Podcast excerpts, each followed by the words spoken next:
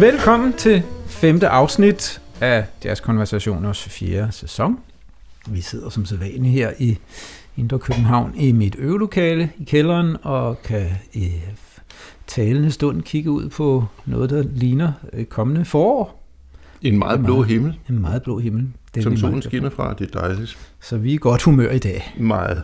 Og vi skal også spille musik, der øhm, giver godt humør. Det er smukt og rart, og ingen kommer til skade undervejs i lytning af denne musik, vi skal præsentere i den her udsendelse. Jeg fik øh, ikke sagt, at vi, vi jo er Jens Rasmussen og Frederik Lundin. Og øh, vi skal i gang med at lytte til hvad? Det første album, som vi skal lytte til at tale om, det er en af mine favoritter. John Coltrane's øh, album, John Coltrane with Johnny Hartman. Og ligesom det andet album, vi skal tale om, er et eksempel på, at øh, nogle gange så kan man lave fuldstændig fantastisk mesterlig jazzmusik, som også er meget let tilgængeligt, og øh, som øh, absolut ikke provokerer nogen som helst, men som alligevel stadigvæk er på meget, meget højt niveau, vil jeg mene. Øh, og John Coltrane er jo en øh, enormt vigtig figur i jazzens historie. Han er en af mine egne helt store favoritter. Og, øhm, vi har talt om ham før, men meget kort. Han træder ind på sådan den helt store jazzscene midt i 50'erne. Han bliver en del af Miles Davis, meget berømte kvintet. Den er han ud af en lille kort periode, fordi han ikke rigtig kan styre sit heroinmisbrug. Det kan Miles Davis ikke rigtig leve med, og så spiller han den her korte periode med pianisten Thelonious Monk. Mm. Kommer tilbage til Miles Davis, hvor han er med på så ikoniske album som eksempelvis Milestones og den helt unikt, særlige, fremragende og berømte Kind of Blue. Og i den her periode, der udgiver han også albums i eget navn, det gør han fra slutningen af 50'erne. Og i 60-61 etablerer han så sin egen kvartet med tromslæren Elvin Jones, pianisten McCoy Tyner og i anden tredje omgang øh, Jimmy Garrison på bas. Ja. Og dermed der får vi jo en af de største og mest berømte af de sådan stilskabende jazzgrupper i, i første halvdel af 60'erne. Øh, 65-66, der omrokerer han lidt, der går i en lidt friere, lidt løsere, lidt mere eksperimenterende retning, får en, en øh, kvintet med tromslageren Rashid Ali, hans hustru Alice Coltrane på klaver, stadigvæk Jimmy Garrison, og så meget ofte den, den, det unge øh, tenor-ikon øh, for Rose Sanders. Og det Coltrane jo vel først og fremmest er berømt for sådan i det helt store perspektiv, det er jo at videreudvikle øh, tenorsaxofonens muligheder. Han var ekvilibristisk på et niveau, som ikke ret mange andre kunne matche. Øh, han er berømt for sådan en musikalsk kreativ udforskning af tenorsaxofonens klanglige muligheder. Og det her meget ofte i sådan en meget ekspressiv, nogle gange ekstremt ekspressiv setting, mm. som gjorde, at han også blev sådan en slags faderfigur for mange af de vigtige musikere i den free jazz bølge, som var i gang på det her tidspunkt. Man kan diskutere, om han selv spillede free jazz, men han var en meget væsentlig figur for dem, mm. for mange af dem. Havde blandt andet øh, Artie Shep, som vi har snakket om flere gange, under sine vinger. Men det, vi skal tale om i dag, det er et lidt andet hjørne af hans øh, helt unikke kvaliteter, nemlig hans evne som balladefortolker. Og tilbage fra hans øh, egne studieudgivelser fra der slutningen af 50'erne, er der næsten altid en, nogle gange to, meget smukke, meget, meget velspillede, inderlige, langsomme mm. ballader på hans, hans, øh, øh, ja, på hans albums. Og i 63, der er to udgivelser, som begge to er, er helliget dedikeret lige præcis den her øh, side af, af Coltrane's musikalske sind. Den og, ene, og øh, jeg, du må gerne sige dem. Jeg tænkte, at det er væsentligt at sige det her, at det var jo på et tidspunkt, hvor det godt nok ikke var balladespil, den her kvartet var kendt for. Præcis, absolut ikke.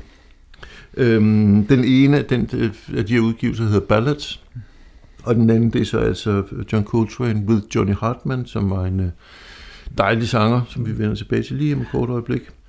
Og i forlængelse heraf, der har jeg også lyst til at nævne, at han medvirker på en øh, meget fin øh, Duke Ellington combo-udgivelse, øh, som er optaget i 62, øhm, og hvor der i hvert fald er to meget smukke ballader, så vidt jeg husker, In a Sentimental Mood og Little Brown Book, mm. og nogle flere.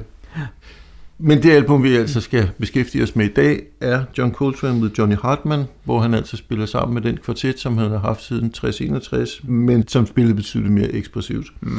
Og det er jo altså pianisten med Kurt Tyner, bassisten Jimmy Garrison og øh, Elvin Jones på trommer. Ja.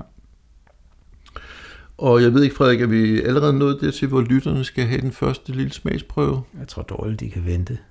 Så, så skal det være nu. Så, skal så det være nu. vi lidt om den anden øh, hovedperson om lidt, ja. når vi har lyttet lidt. Kommer nu. Ja, undskyld, jeg skal sige, at vi skal høre et uddrag fra They Say It's Wonderful.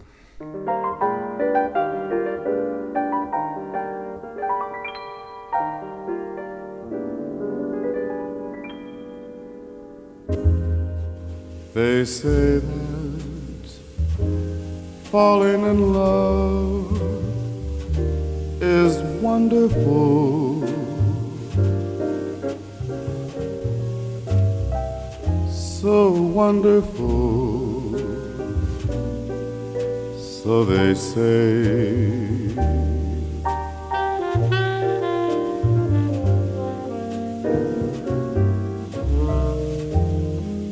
The thing that's known as romance is wonderful. So wonderful. So they tell me.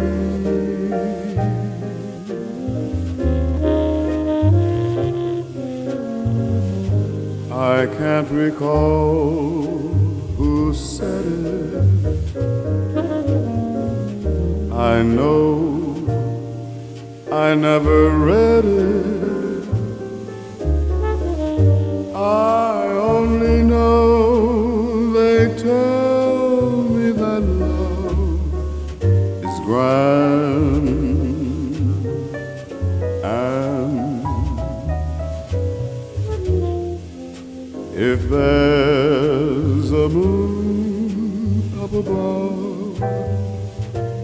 It's wonderful,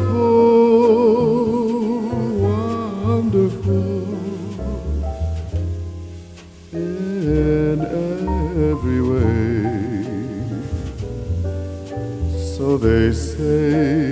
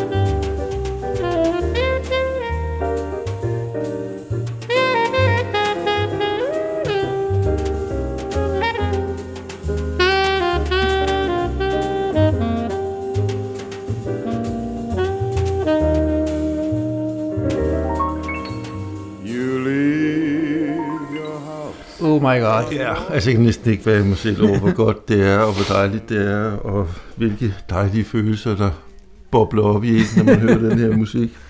Det er simpelthen så smukt.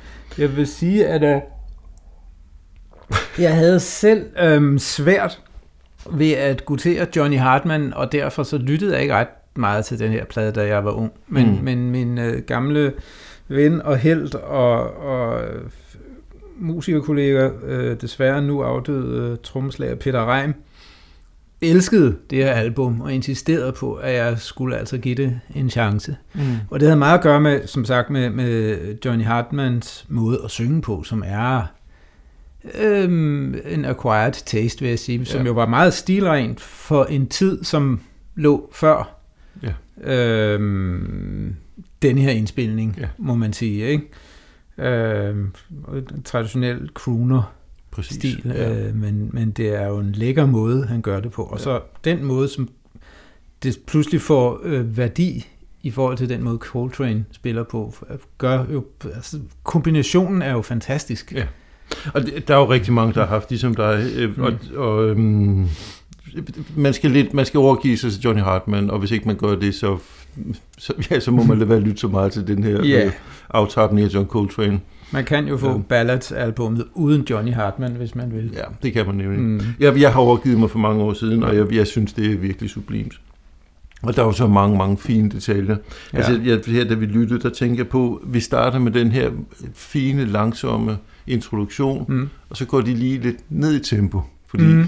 vi skal vi skal dybere ind, havde han ja. sagt.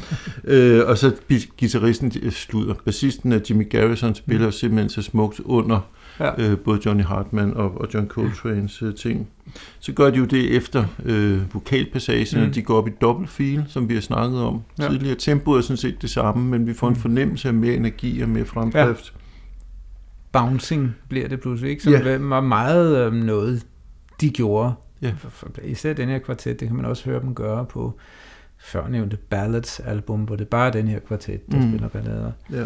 Øh, hvor de øh, løfter øh, tingene op i en dobbelt følelse, om man så må sige, ikke? Ja. Som, som du før forklarede, at takterne, harmonierne bevæger sig i samme tempo, men der er en, en understrøm, sådan en boblende understrøm, der skubber musikken afsted på en anden måde end en traditionel balladespil. Ja, ja.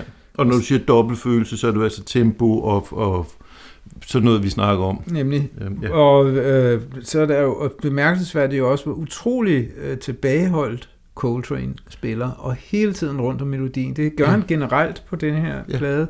Spiller tæt på melodien hele tiden, hele tiden refererer meloditoner, og så med små ting rundt Præcis. omkring, små ja. krummelyer og fraser og sådan, ikke? Ja, og som jo i virkeligheden hører, også hører en tidligere tid til. Ja. Altså det var jo sådan, man gjorde dengang, så nogen som Johnny Hartman var store, ja. altså tilbage i swing-tiden, ikke? Ja. Øh, så det, på den måde er det jo for så vidt et stilistisk set tilbageskuende projekt, ja. Øh, men det er bare så på enormt højt niveau, og det, det fungerer virkelig godt. Også, også hvad hedder det, man kan tegne spiller især under Johnny Hartman og i introduktionen, og mange andre steder på albumet her, øh, meget øh, traditionel ballade klaver med, med mindelser om øh, Teddy Wilson og Tatum-agtige øh, sådan, øh, om man så må sige, tone kaskader, øh, ja. arpeggier, arpeggier op og ned af klaveret og sådan noget. Det, ja. Hører, det, det er på en eller anden måde ret påfaldende i og for sig. Og så ja. spiller de lidt anderledes under Coltrane, ikke? Men han skifter lidt karakter, øh, McCoy, ja. fra den ene til den anden situation. Jeg, jeg, tit, jeg, jeg ved ikke så meget om, hvad McCoy Tyner har tænkt om forskellige ting, men, men øh, jeg har tit tænkt, at øh, altså, han, han har haft et lidt hårdt job i den der øh, kvartet, fordi der var så enormt meget power, og, og ja. øh, altså Elvin Jones var virkelig en bullerbass. Han spillede mm. fantastisk, men der var simpelthen så meget øh, blues på, øh, på ja. øh, trommerne. Ja. Øh, så McCoy Tyner tillagde sig jo sådan nogle forskellige øh, klavertekniske tricks og, og vaner, som, ligesom, som havde meget fylde. Ja. Altså han er berømt for sådan noget, man kalder det, det sådan nogle dybthavsbomber, eller det, det er sådan nogle dybe kvinter, der kommer ja. ind, slår an ned i bunden, som lyder kraftigt. Han spiller ja. tit oktav og, og ja. øhm, har en spilstil, som, som, eller har været nødt til at have en spilstil, som dyrker de meget sådan kraftfulde muligheder i, ja. klaveret. Og i den her setting og på ballads, øh, der har han jo haft mulighed for helt anderledes afdæmpet øh, en helt anden brug af detaljer og nuancer, mm. som, som der typisk ikke har været, været mulighed for i, i det, det musik, de ellers lavede. Nej, nemlig. Og så synes jeg da også lige, vi jo skal nævne, nu du snakker om Johnny Hartman og Coltrane, de klæder hinanden. Altså de der bitte små øh, Coltrane-kommentarer, der kommer ind, ind i vokalen, hvor han sådan nærmest, nærmest øh, forkæler, eller jeg nærmest lyst til at sige kærtegner, øh, de øh, fraser, som mm. Johnny Hartman øh, spiller. Det er jo simpelthen så, øh, så rørende. Ja, det. Og derudover, den fremragende sol, der kommer efterfølgende, meget, meget smuk, meget, meget inderlig, men jo faktisk også med ret mange ret frække tonevalg. Ja, altså, der, ja, ja. Der, der er jo mange, nu laver jeg sådan nogle godsøjne, mm. som lytterne ikke kan se, men altså, det er nogen vil kalde skæve toner. Ja. Øhm, så han er, han er fræk og avanceret i sin, sin tonevalg. Ja, altså hvis ikke man kunne genkende øh, hans tone alene, så er, er det hans øh, tonevalg, om man så må sige, ud over meloditonerne, utrolig genkendeligt, ligesom Coltrane's øh, sprog, som han jo opfandt. Han en, havde jo udpræget avanceret harmoniopfattelse og, og, og øh, måder at forstå, hvordan øh, harmonier kunne opbygges på, og hvordan man kunne spille harmonier oven på harmonier, så at sige. Ja. Det vil jeg ikke gå ind i øh, i detaljer, men det er, er noget, han fandt på, og det kan man, man genkende det også her i det her meget mere traditionelle landskab. Ja, yes. Mm, ja. Øh, vi har valgt, et af vores eksempler bliver meget kort, jeg ved ikke, skal vi tage det med det Lad samme? Lad os bare tage det, jo. Ja. Øh, og det, det, vi har jo snakket lidt om, vi skulle vælge, det, det var mig, som godt kunne tænke mig, at den her lille snas kom med. Og det er fordi, jeg synes, for det første, synes jeg, det er utroligt smukt og rørende, og, og øhm, jeg kan næsten sådan blive en lille smule åndeløs. øhm, men det er også for at illustrere de utrolig mange fine nuancer, der er i, i Coltrane's frasering. Altså mm. vi har jo tidligere snakket om, hvad frasering er, men det er jo simpelthen noget med, hvordan man, man former melodierne. Det mm. handler om dynamik, det handler om klang, det handler om en lille smule vibrato, lidt mere vibrato, mm. øh, hvilke toner bliver fremhævet. Altså alt, hvad der har med dynamik og sådan nogle ting at gøre, mm. er inde i den her samlede pakke, vi kalder frasering. Øh, og den her lille introduktion, som også er lidt usædvanlig ved, at den er overdoppet, og kun med på nogle udgivelser, altså der er simpelthen to forskellige udgaver ja. af øh, John Coltrane med Johnny Hartman, og det, det fremgår som regel ikke særlig tydeligt, om man har ja. hænderne i den ene eller den anden. Men på, på nogle er der altså nogle få overdubs, som Coltrane har lagt ind efterfølgende. Mm. Og den her lille snas, vi skal høre, der spiller han utrolig enkelt. Han starter sådan set bare med en tone, der bliver gentaget et par gange, så kommer der en dyb på tone, så kommer han tilbage til den første, og så er der en lille krølle. Og det bliver så gentaget med en lille bitte variation. Og så kommer Johnny Hartman ind og synger den første frase, og så får Coltrane en lille bitte krølle der. Det er meget, meget få toner, det er meget, meget enkelt. I andre saxofoners øh, hænder kunne det blive utroligt banalt. Ja. Men fordi han fraserer så utrolig fint, fordi hans klang simpelthen er så sart og nænsom og, og øh, unik, så, så bliver det for mig sådan et, et, et nærmest et magisk øjeblik. Ja. Lad os lytte på den lille stump her. Det gør vi. You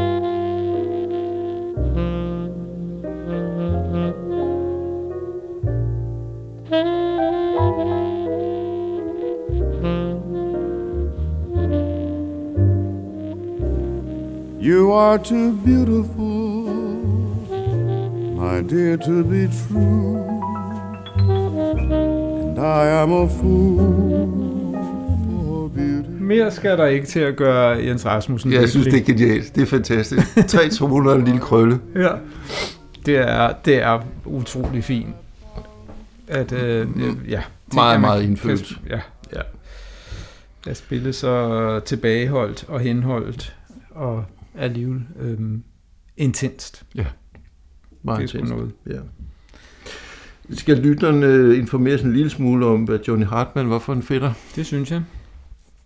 Øh, han er fra 1923 og øh, virkede øh, i øh, fra midten af 40'erne, slutningen af 40'erne, sang med øh, Earl Hines og Dizzy Gillespie's orkester, øh, og, og kæmpede lidt med, måske fordi han øh, helst ville synge ballader. Det var ligesom hans ting, og det var, var det, han ville. Øh, kæmpede lidt med at få, et, et, øh, få hul på karrieren, øh, men så skete der lidt i midt 50'erne, hvor han øh, udkom med et, et album, der fik en vis succes, kan man sige. Øh, men, men det, der skete faktisk først noget for alvor for ham øh, med det her album, som vi, vi taler om i dag.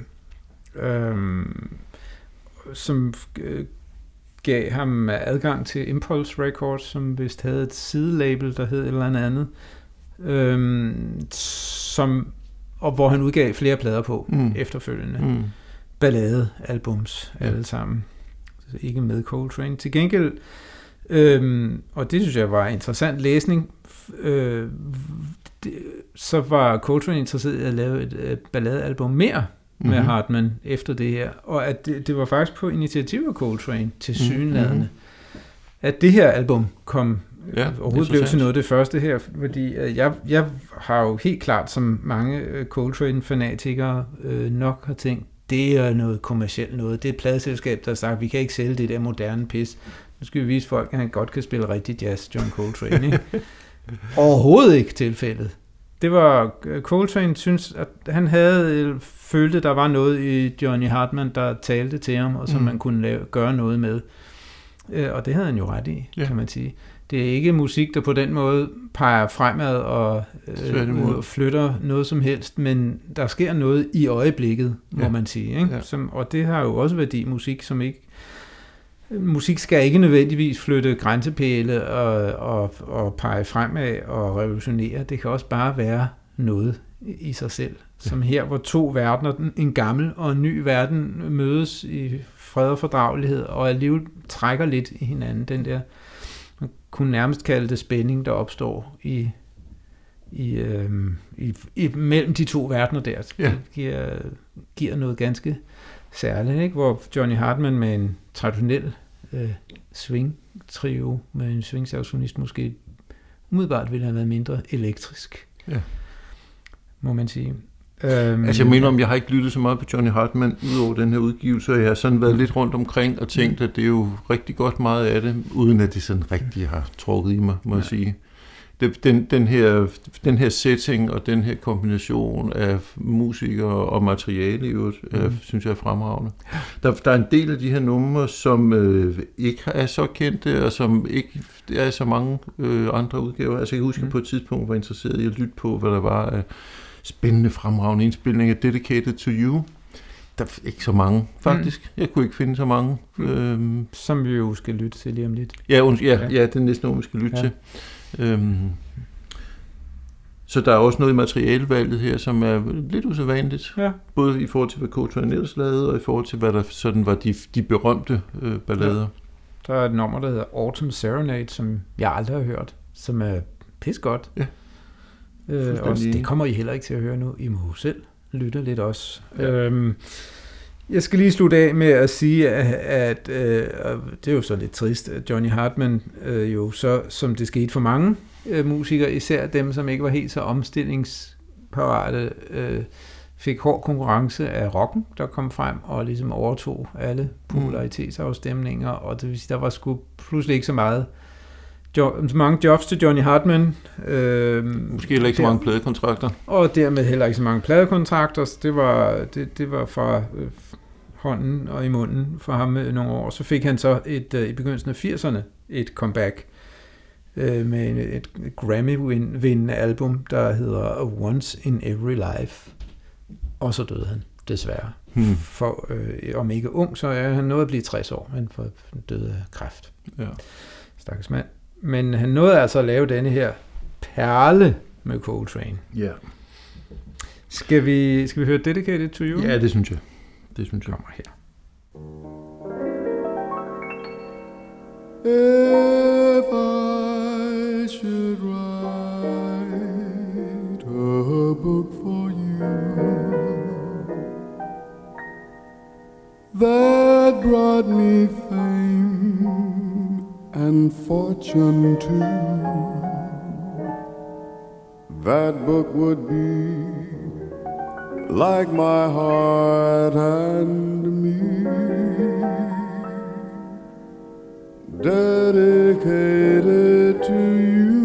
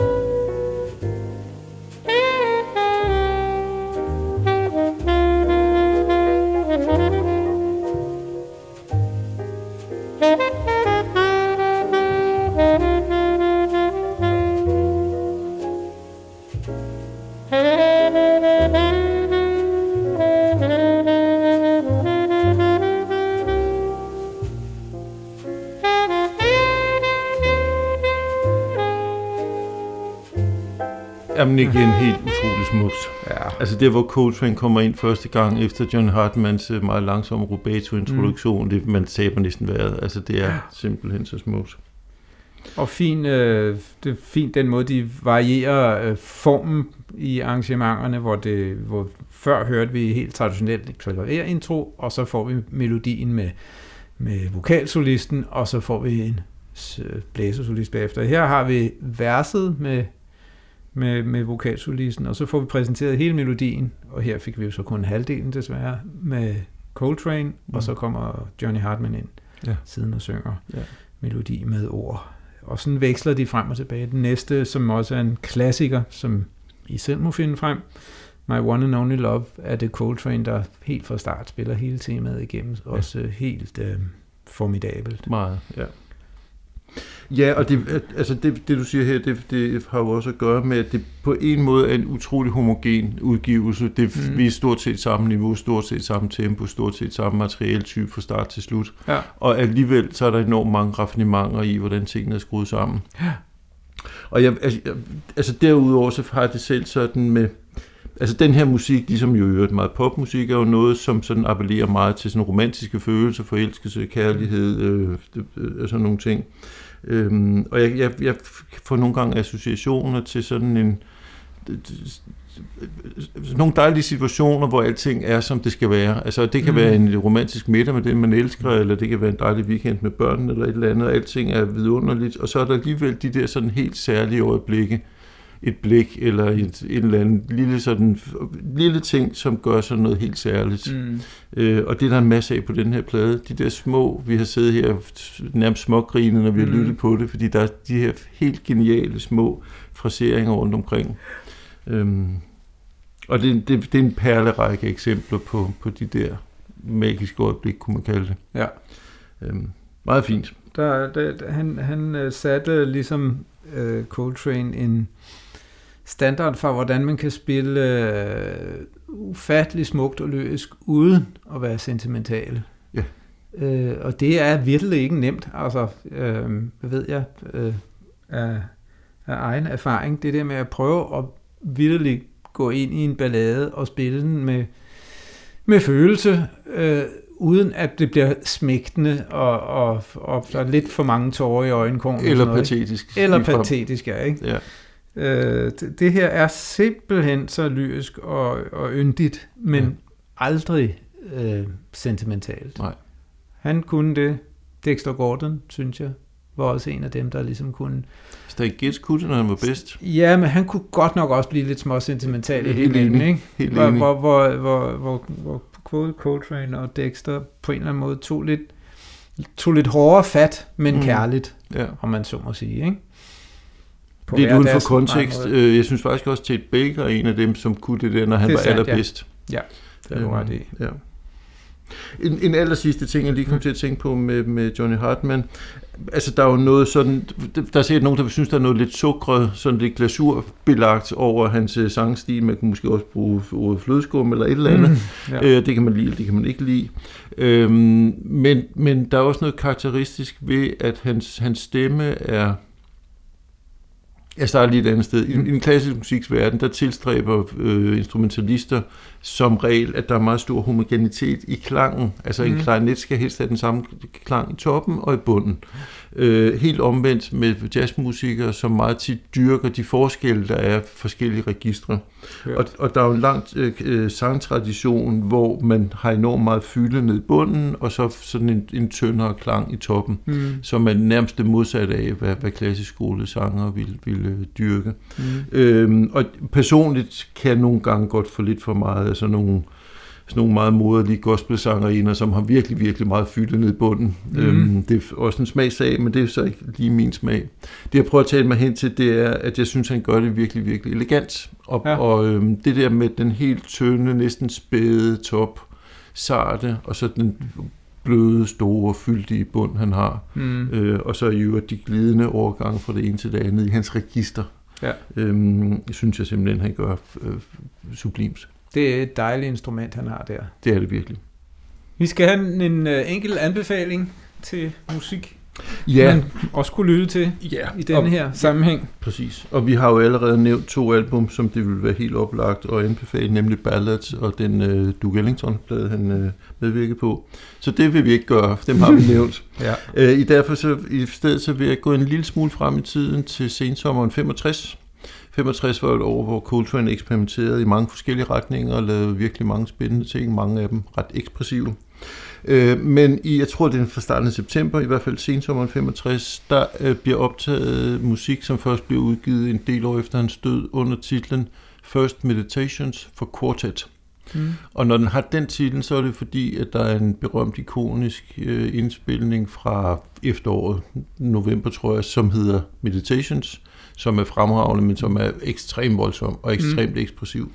Øh, men det er det samme materiale, han optog øh, her 4-5-3 måneder tidligere, men med kvartet. Og i en betydeligt mere sådan lyrisk, øh, han ville måske selv sige spirituel ånd. Mm. Nej, ikke mere spirituel, det vil han ikke sige. Men, men det, er, det, er, det er sådan mere lyrisk, øh, lidt øh, mere poetisk øh, John Coltrane aftapning, Ja. øhm, som jeg synes er virkelig, virkelig fremragende. Så First Meditations for Quartet vil være min anbefaling. Godt. Jeg vil anbefale noget lidt tidligere, øh, et år før, to år, øh, to år før, i 61, indspillede han øh, et album. Altså to år før Hartmann indspilningen. Undskyld, Ja. ja, netop ja. I 61 indspillede han Africa Brass øh, med sin øh, kvartet. Så, og så vidt jeg kan se, vel i og for sig det første album med næsten kvartetten. Det var Reggie Workman og Art Davis i stedet for Jimmy Garrison på det her tidspunkt. Men derudover en større brass-sektion med øh, arrangementer af Eric Dolphy. Ja. Og, øh, og det er så den øh, Coltrane, øh, man, øh, om man så må sige, nu til dags forbinder med Coltrane-kvartettens spil. Øh, det er lidt mere, øh, kan man sige, energisk ikke? og udadvendt, men stadigvæk øh, synes jeg er et godt sted at starte, hvis man vil tage hul på den Coltrane, og Mm. ikke øh, og er lidt frygtsom omkring den, den mere ekspressive del Ja. af det. Det er meget lytteværdig, Mm. rar plade, synes jeg. Jeg er helt enig. Ja. God anbefaling.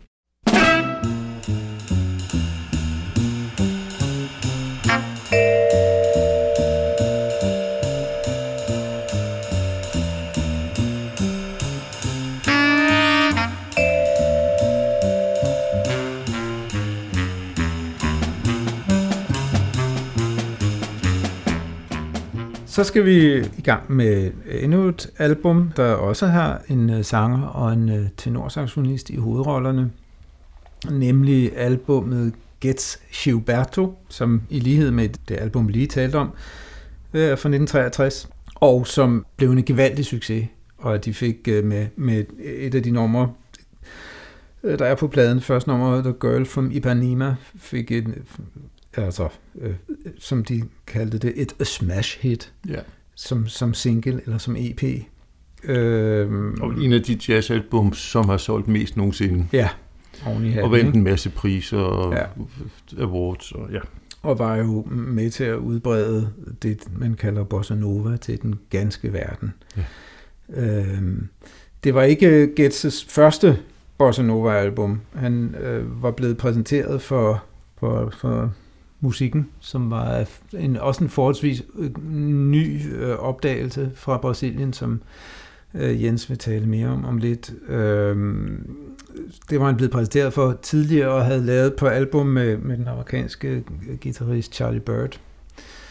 Øh, men det her er det, det første med rigtige, tror jeg, Mm. 100% brasilianske musikere som medvirkende. Og det er altså øh, sangeren og guitaristen João Gilberto, øh, og så ikke mindst Antonio Carlos Jobim, Som var pianist som og i særdeleshed komponist. nemlig, og som har skrevet en del af, af numrene øh, på pladen.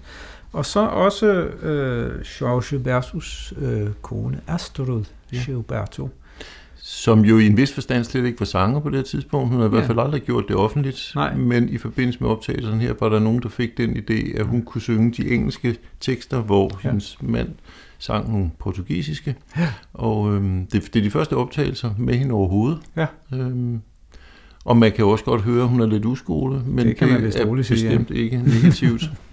Ah, det vil jeg sige. Men, øh, i, I lighed med, hvor, med, med sangeren, øh, øh, øh, som vi lige har talt om, Johnny Hartman, så er hun i mine ører en acquired taste. Men hun fik i hvert fald på en eller anden måde sat gang i en, en kæmpe bølge øh, af, eller fik inspireret til, at man kunne synge på en anden måde øh, her i, øh, i øh, Amerika og Europa, at man øh, kunne have et sangforedrag, som var så, um, så lyst og tilbagelænet og øh, lyrisk på en måde, som vi ikke havde hørt så meget af. Ja. På Nærm, lige nærmest måde, ikke? intimt, som er et ord, Ja. jeg nok kommer til at bruge et par gange Ja. i forbindelse med den her musik. Nemlig.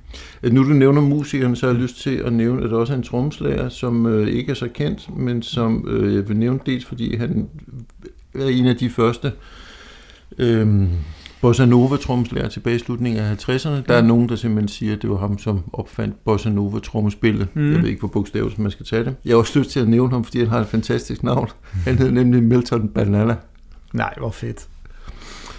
Og nu vi er med det her, så øh, stod der i mange år på coverne, at bassisten var Tony, øh, Tommy Williams, Mm. mm. som var fast øh, bassist hos øh, Gets en periode. Det er en fejl. Det er slet ikke ham, der spiller bas.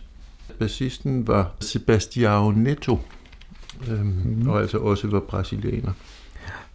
I hele taget er der lidt nogle øh, øh, mørke sider ved det her. Blandt andet også har jeg læst mig til, at Gets øh, ikke synes, at Astrid Gilberto skulle betale for sin indsats, og hun fik ingen royalty eller noget som helst af mm. den her gigant succes. Mm.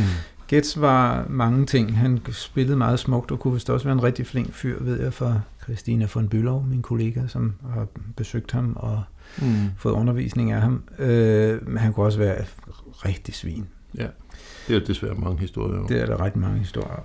Øhm, skal jeg måske lige sige lidt om Stan Getz? Gør det. inden vi øhm, går videre, fordi han er jo en af de helt store. Nu har vi Yes. talt så meget om Coltrane som en af de helt store. Getz var også en af de helt store øh, samtidig, men øh, startede, hans karriere startede noget før. Øh, øh, Coltrane's, øh, han var allerede med meget tidligt ude, øh, virkede som professionel musiker allerede fra han var 16 år. Men han er øh, blev virkelig kendt fra slutningen af 40'erne, hvor han spillede Woody Hermans big band, det der hed The Second Heard, hvor han var en af det, som man kaldte The Four Brothers, fire øh, saxofonister i saxofonsektionen. Som jeg lige afbryder og siger, Ja. ja. som Jimmy Jeffrey, som vi jo snakkede om øh, i et tidligere program, skrev et meget berømt nummer til. Four Brothers. Præcis. Nemlig. Jeg, vi kommer ikke lige ind på de andre, men de var alle sammen det, som man, øh, de var alle sammen saxofonister, dem som man på lidt overfladisk kalder øh, Vestkystskolen, altså en ret lyrisk, øh, oftest øh, inspireret af den store tenorist Lester Young. Der var jo ligesom, kan man sige, groft sagt to øh, st- rigtige stildannere inden for saxofonspil. Øh, Coleman Hawkins, som var ligesom øh, frembusende, muskuløs type, og Lester Young, som var øh, lyrisk, dansende, lidt skævere type, mm. kan man sige. Mm. Groft sagt. Det kunne man lave et langt program om, alene de to.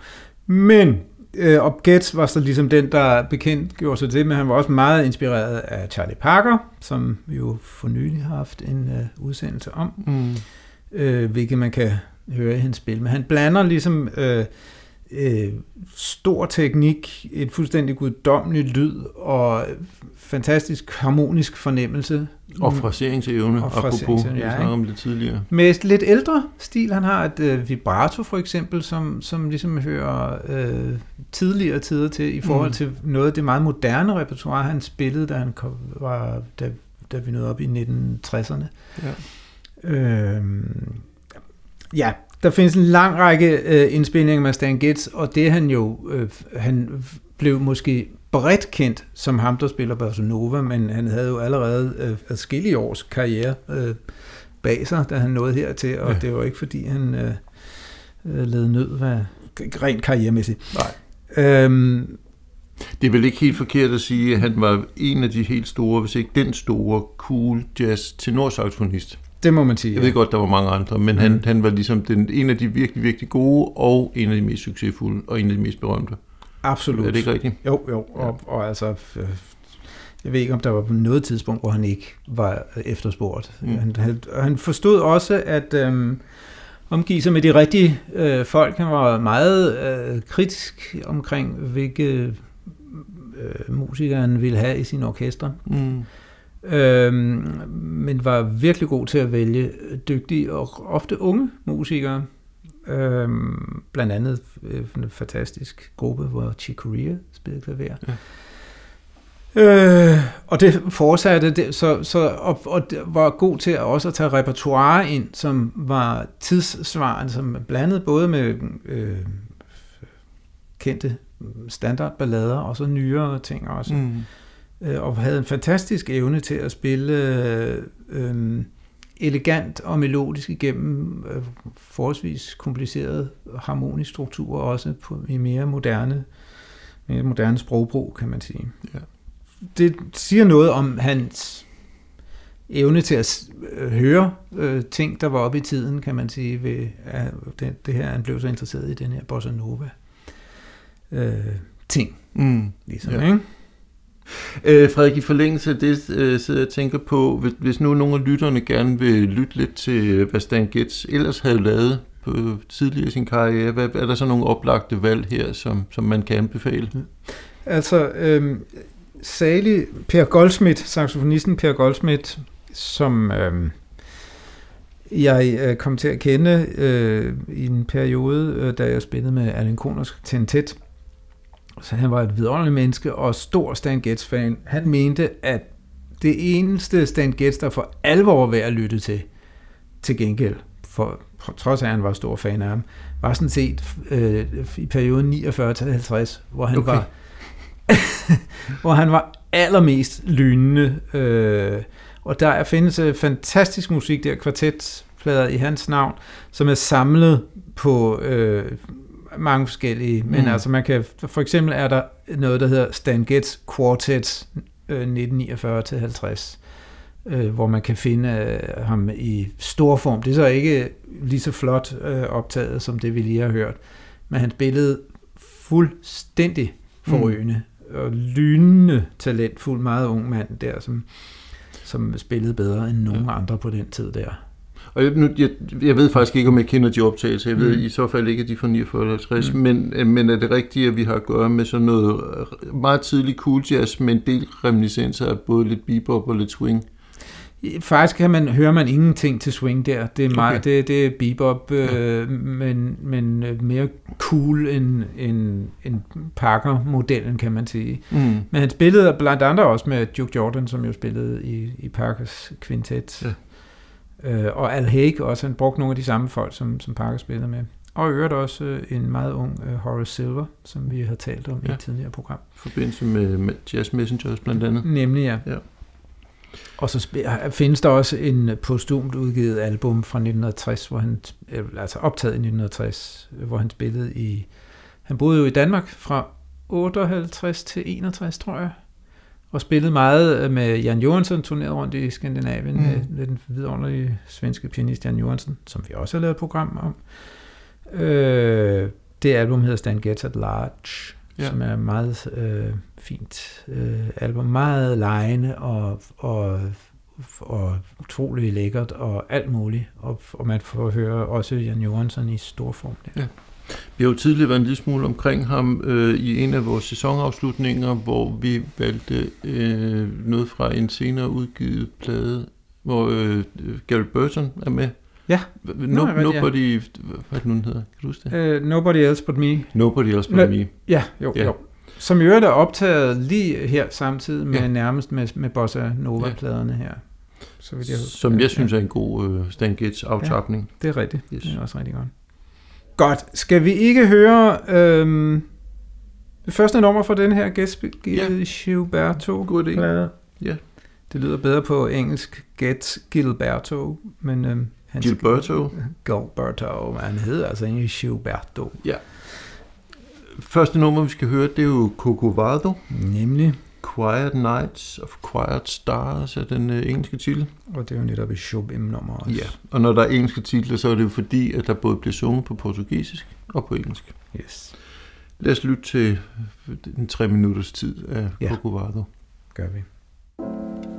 Quiet nights of quiet stars, quiet chords from my guitar, floating on the silence that surrounds us.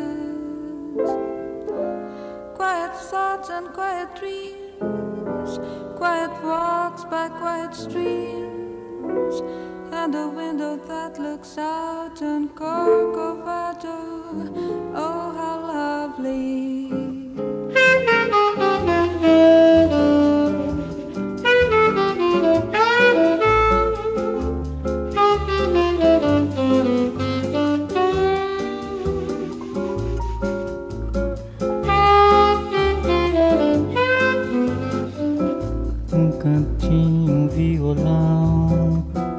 Esse amor, uma canção pra fazer feliz a quem se ama. Muita calma pra pensar e ter tempo pra sonhar. Da janela ver seu corcovado, o redentor que lindo. Quero a vida sempre assim, com você perto de mim, até o apagar da velha chama.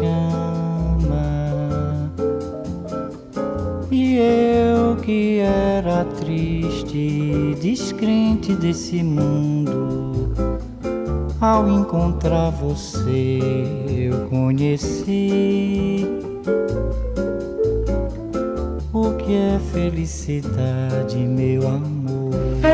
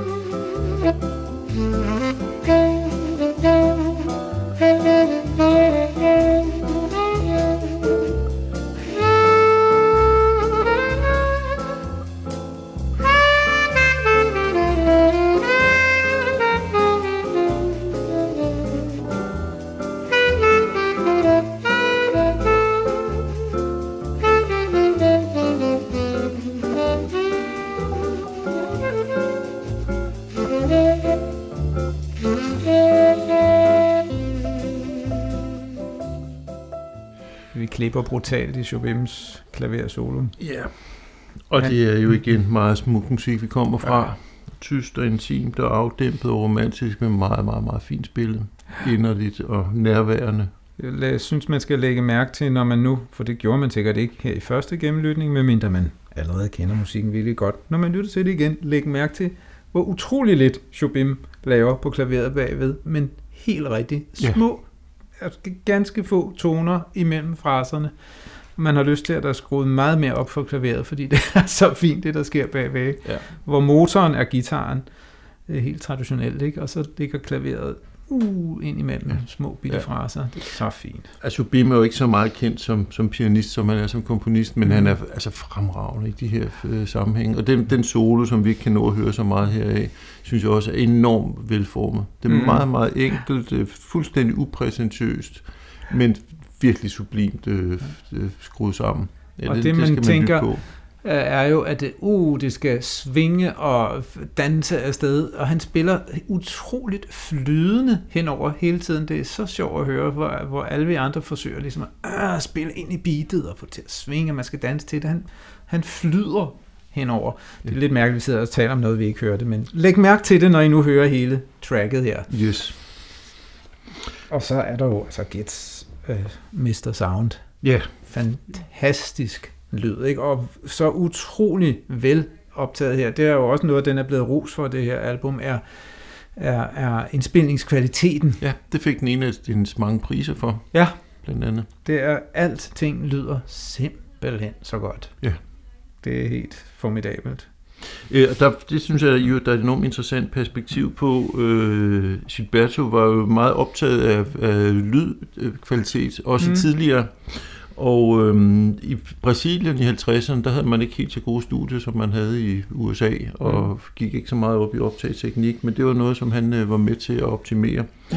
Og blandt andet så var han efter sigende den første, der fik den idé, at når man optog en mand, der sidder og synger og spiller guitar, så i stedet for bare at have en mikrofon stående foran, Mm. så kunne der være en mikrofon, der optog sang, og en anden, der optog øh, gitaren, så man i mixning efterfølgende kunne give fuldstændig optimal balance mellem dem. Mm. Hvilket jo også giver noget frihed til øh, dif- differentieringsmæssige muligheder i sangen. Ja. Altså den her meget, meget afdæmpede, nogle gange næsten viskende sangstil, kunne jo simpelthen blive bøvlet at optage, hvis guitarspillet var højere. Ja. Øh, Men fordi man i, i produktionen kunne justere på det som noget nyt, så gav det simpelthen nogle, nogle nye muligheder. Øh, og den her, nu bruger jeg igen ordet intim, men altså den, det, er også, det, det, det er sådan meget nærværende musik. Vi er meget Ja. ja. tæt på. Ja. Øhm, og det ville man jo ikke have kunnet gøre øh, 10 år tidligere. øh, Nej, den men det, det er der. utroligt lækkert også. Man kan høre i Gets' lyd øh, hver en, en, en spytdråbe, om man så må sige, på bladet. Ikke? Så ja. Ja. det, er, det, er, også- det er en nydelse for en saxofonist at lytte til. Og altså, han har jo den her fantastiske tone, han har en meget, meget sublim brug af vibrato, synes jeg Mhm. her. Det synes jeg måske ikke altid, han har. Jeg Nej, synes nogle gange, det er en lille smule overgjort. Præcis. Øhm, og så har han det, jeg ved ikke, hvad I kalder det, men sådan lidt knas, eller sådan lidt knæk, eller jeg ved ikke, om der bare Mhm. spødt i mundstykket, eller et eller andet, men den her sådan en lille smule crunchiness, Ja, som er så vidunderligt bidrag til, til, til det bløde lækre. Ja. som dels har at gøre med, at det er så godt optaget, men også at hans lyd er så formidabel. Han spiller på et- noget, som er øh, svært, øh, hvis ikke man spiller meget og har en god fysik. Man spiller på en ret øh, kraftige blade, altså det er det der stykke bambus, der sidder på mundstykket og, og, og vibrerer og, og, frem, og, og giver øh, tone, om man så må sige. Altså et ret hårdt blad, siger Ja, du? ret ja. hårdt, og så spillede han det til gengæld ret blødt det meste af tiden, og det giver den, den der underspillede, i bogstavstand underspillede øh, kvalitet i hans lyd, den der øh, luftige, øh, åndeagtige Ja. øh, øh, kvalitet, især i det høje leje, øh, som, som, øh, og hvor man kan høre, at indimellem så knaller han pludselig til, ja. Og så virker det virkelig voldsomt Ja. og, og nærmest hårdt, og det er en Ja. fantastisk kvalitet, som, ja. Som han virkelig dyrkede, og især dyrker her, fordi der er også er sådan en luft i lydbilledet, fordi at der bliver spillet så blødt på trommerne, og den akustiske guitar og klaveret spiller så enormt diskret, så der er plads til hele, øh, kan man sige, overtonespektret i saxofonlydene. Ja. Og det kan man høre, han, han nyder. Og altså noget af det, der er jo karakteristisk for, for Gets spil, i hvert fald i nogle perioder, er jo, at når han fortolker de her smukke ballader så smukt, som han gjorde, så kommer der tit sådan nogle små udbrud, som er sådan ja. En lille smule, øh, øh, øh, ikke arige, men altså som Mm. mm. ret, ret voldsomme udbrud. Ja. Og altså personligt synes jeg nogle gange, det kan blive en lille smule patetisk og en lille smule klynkende. Men, men i den her kontekst, der, der er det et fantastisk krydderi til, Mm. mm. til den i øvrigt sådan en lille smule sødladende stemning. Og Ja. jeg siger sødladende i vores mest positive betydning, Ja. naturligvis. Øh, Men de her små, øh, lidt eksplosive udbrud, Ja. som viser, at manden også havde, havde karakter. Ikke Temperament, ja, ikke bare i sin personlighed, men Mm. også i sin musikalitet. det må man sige. Øh, De to brasilianere, som, som vi er med her, er jo øh, super vigtige. Man taler tit om Gets, og det er der også god grund til, men, men uh, Antonio Carlos Jobim og, og uh, Gilberto øh, De to Gilbertoer i Ja. virkeligheden, ikke? ja, øh, var utrolig vigtige, og, og øh, de havde begge to ret, ret velfungerende karriere i 50'erne, var relativt store i sådan brasiliansk musikliv. Øh, og de medvirkede begge to på en øh, udgivelse fra 1958, øh, som måske med vores mit skrøbelige portugisiske hed Tjekke de Saudade, øh, som flere jazzhistorikere eller brasiliansk musikhistorikere nævner som den første egentlige bossa nova-plade. Mm. Og det blev en stor ting i Brasilien, og øhm, af forskellige veje nåede, nåede den her nye musikstil så til, til USA.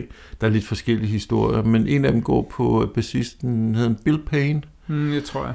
som var i øh, Brasilien øh, med øh, Tony Bennett, Mm. købte nogle, øh, nogle, øh, nogle plader med hjem med bossa nova musik, som han så Han hed, undskyld, han hed Don Payne. Don Payne, mm. tak. Øh, som han spillede for sin gode ven og nabo, som så var Stan Getz. Mm. Øhm, og øh, der var en øh, berømt og bemærkelsesværdig koncert i Carnegie Hall i 62, ikke? Mm. hvor en del af de her musikere og nogle andre, Sergio Mendes og flere andre, spillede deres øh, hjemlands vemodige og så smukke musik. Mm. Det gav meget opmærksomhed. Og så har du flæst dig til, Frederik, at det faktisk var Stan Getz hustru, som øh, fik ideen med at, at øh, kombinere de her, altså Jobim Ja. og... Ja, det var Gets øh, hustru, efter sine, som også var hans manager, som, som øh, tog initiativ til, at de skulle, øh, skulle mødes. Ja.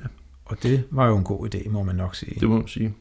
Altså en af de andre grunde til, at Bossa Nova blev så stor, som den gjorde, var jo, at den film, som hed Orpheus Negro, eller Nå, ja. Black Orpheus, ja. som er fra 59, blev ret stor og fik Ja. ja. øh, omtale og visninger og opmærksomhed i, i store dele af verden. Musik af Louis Bonfa, som også Ja. er en af de store kendte Yes. bossa nova-komponister. Og og der er nemlig også nogle egentlige bossa nova numre på der.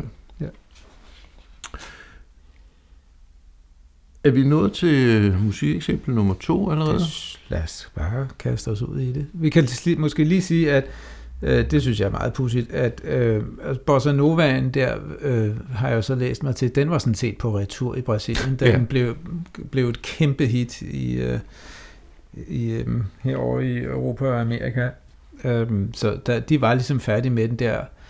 Øh, der var, jeg, jeg har også læst mig til, at, at, øh, at Bossa Nova-folkene der sådan fik en lidt kritik, øh, fordi de, man åbenbart traditionel øh, brasiliansk musik, øh, samba og den slags, ja. øh, man, man synes ligesom, man havde givet køb på kvaliteter i musikken ved at nærme sig jazzen.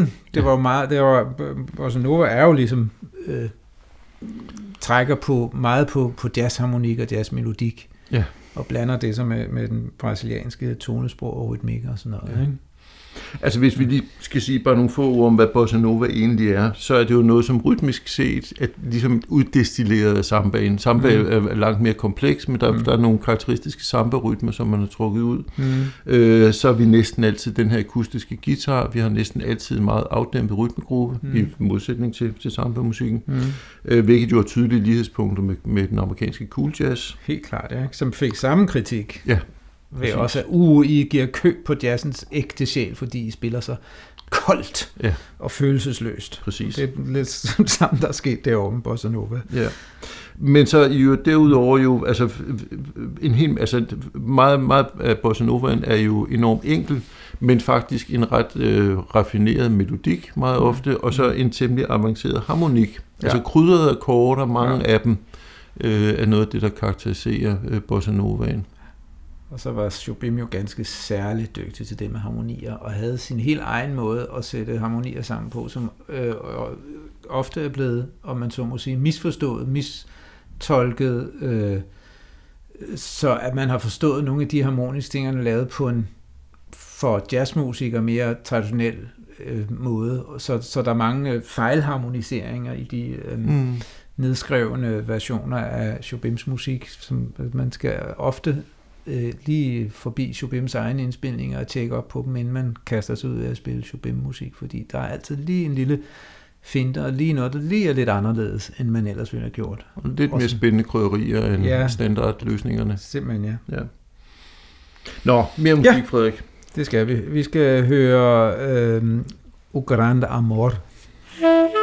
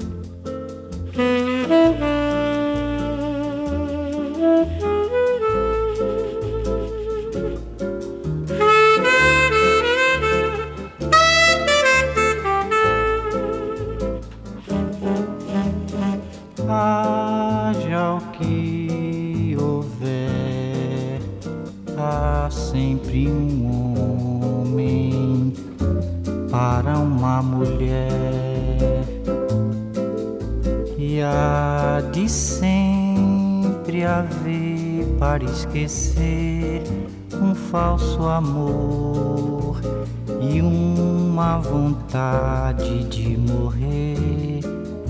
Seja como for, há de vencer o grande amor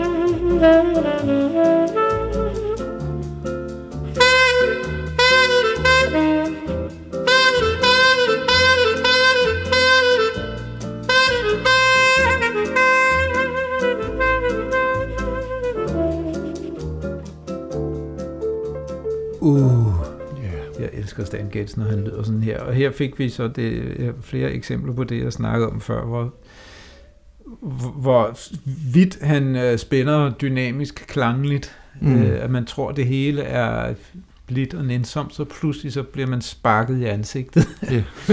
Af af nogle af de ting her, der skete her til sidst, og også øh, en enkelt udbrud lige før, ja. Gilberto, Gilberto kommer ind øh, og synger så fint. Ja. Og også et fremragende eksempel på en, en uh, Chopin-komposition. Ja.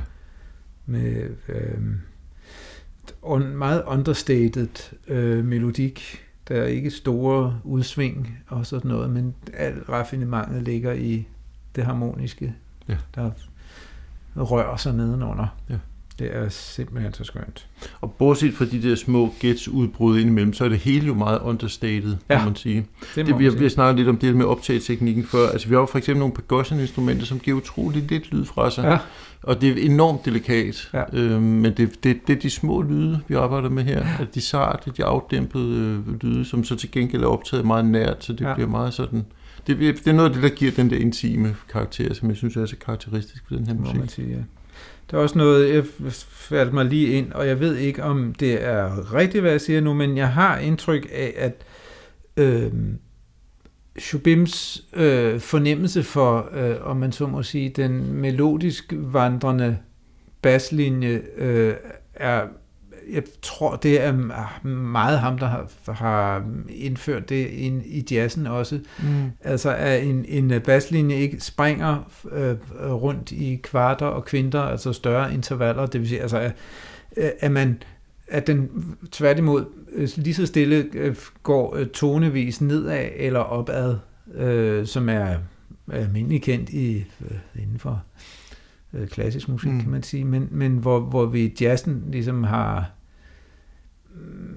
ikke haft samme til at begynde med i hvert fald, øh, fornemmelse for, at baslinjens måde at bevæge sig på, øh, også kan have en, en vældig indflydelse på, hvordan øh, en melodi og harmonierne kan opfattes. Så man, hvor vi typisk i jazzen altid spiller grundtonen til akkorden i, øh, i, i bassen, så kunne han sagtens finde på i langt højere grad at lade den gå og spille på kvinten, altså en anden i grundtonen, eller tertsen, Ja. øh, og sådan noget. Ikke? Jeg tror igen her, skal vi skal nok ikke forsøge at forklare mere andet, end at det bevæger sig mere horisontalt, det hopper ikke op og ned øh, på samme måde, som, Ja. som, som man ofte gjorde i Må, måske kan man sige det på den måde til de, til de lidt mindre øh, musikteoretiske indvidede, det, det vi jo snakker om, det er at den, den dybeste tone i hver af akkorderne. Øh, Hvis, hvis, de dyb, undskyld, hvis de dybeste toner i hver af akkorderne til sammen udgør en, en god melodisk bevægelse, mm. så får vi en, en slags melodi ned i bunden. Ja. Ikke en melodi på samme måde som den, der bliver sunget, men, men, øh, men dog en, en melodisk bevægelse, som er med til at binde akkorderne sammen på en måde, som vi godt kan lide. Ja, og som er, giver en, en anden type ro, synes Ja. jeg. Øh, Jeg har lyst til lige at nævne her, at den her øh, udgivelse jo er optaget i marts 63, men først blev udgivet i 64, og øh, det skyldes, at øh, produceren, Creed Taylor, Ja. øh, simpelthen var nervøs for, at det her ville blive en fiasko. Så øh, den tog ikke rigtig sind på gaden. Fjols. Ja, han blev klogere Det og rigere. ellers være meget rigere ja, for Ja, Søren. Der. Ja.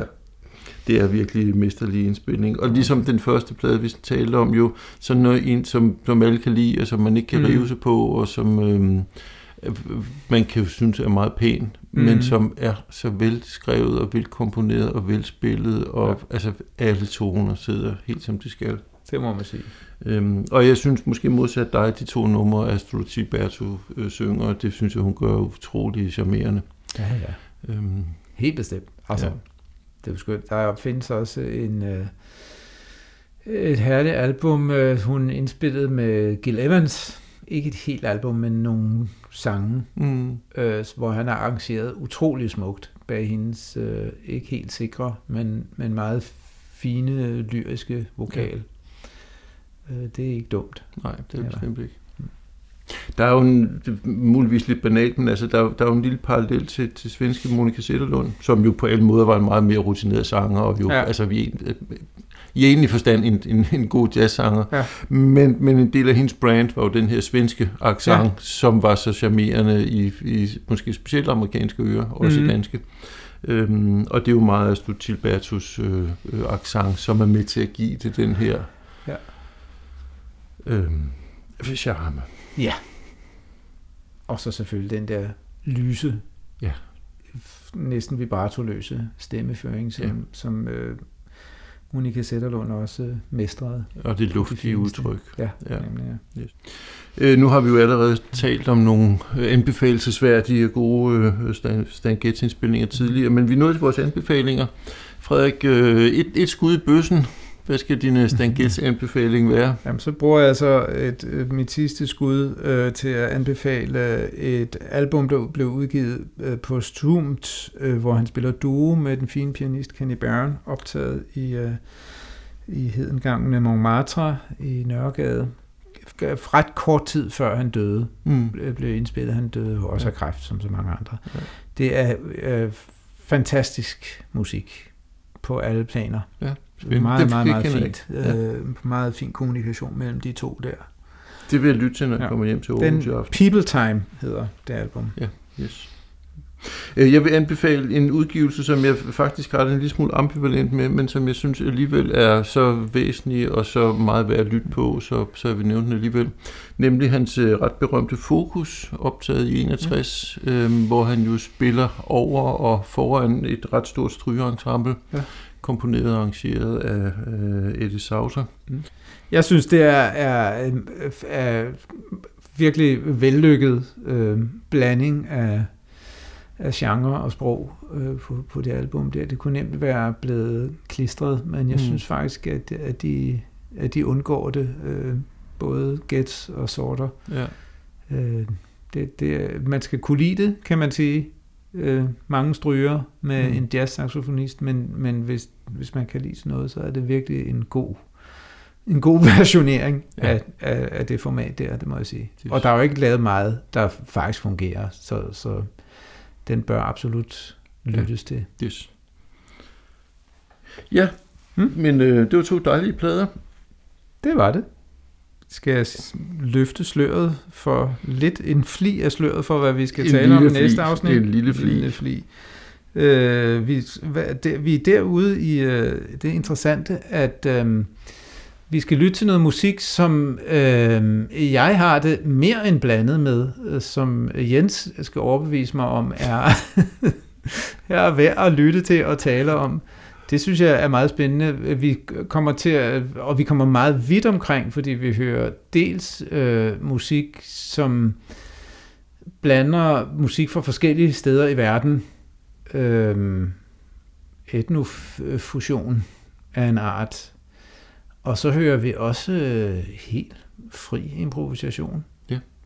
Så det bliver en meget varieret udsendelse, vi kommer til at høre. Yes. Og completely different from today. Det må man nok sige, ja. Men stadigvæk midt i 60'erne. Ja. Er kun lige få år efter øh, de her optagelser, vi taler om i dag. Jeg Det er glæder mig. Jeg tror, det bliver spændende. Det vi må, tror jeg vi må se, også. hvem der vinder. Vi siger tak for denne gang for Frederik Lundin Jens Rasmussen. på genhør. thank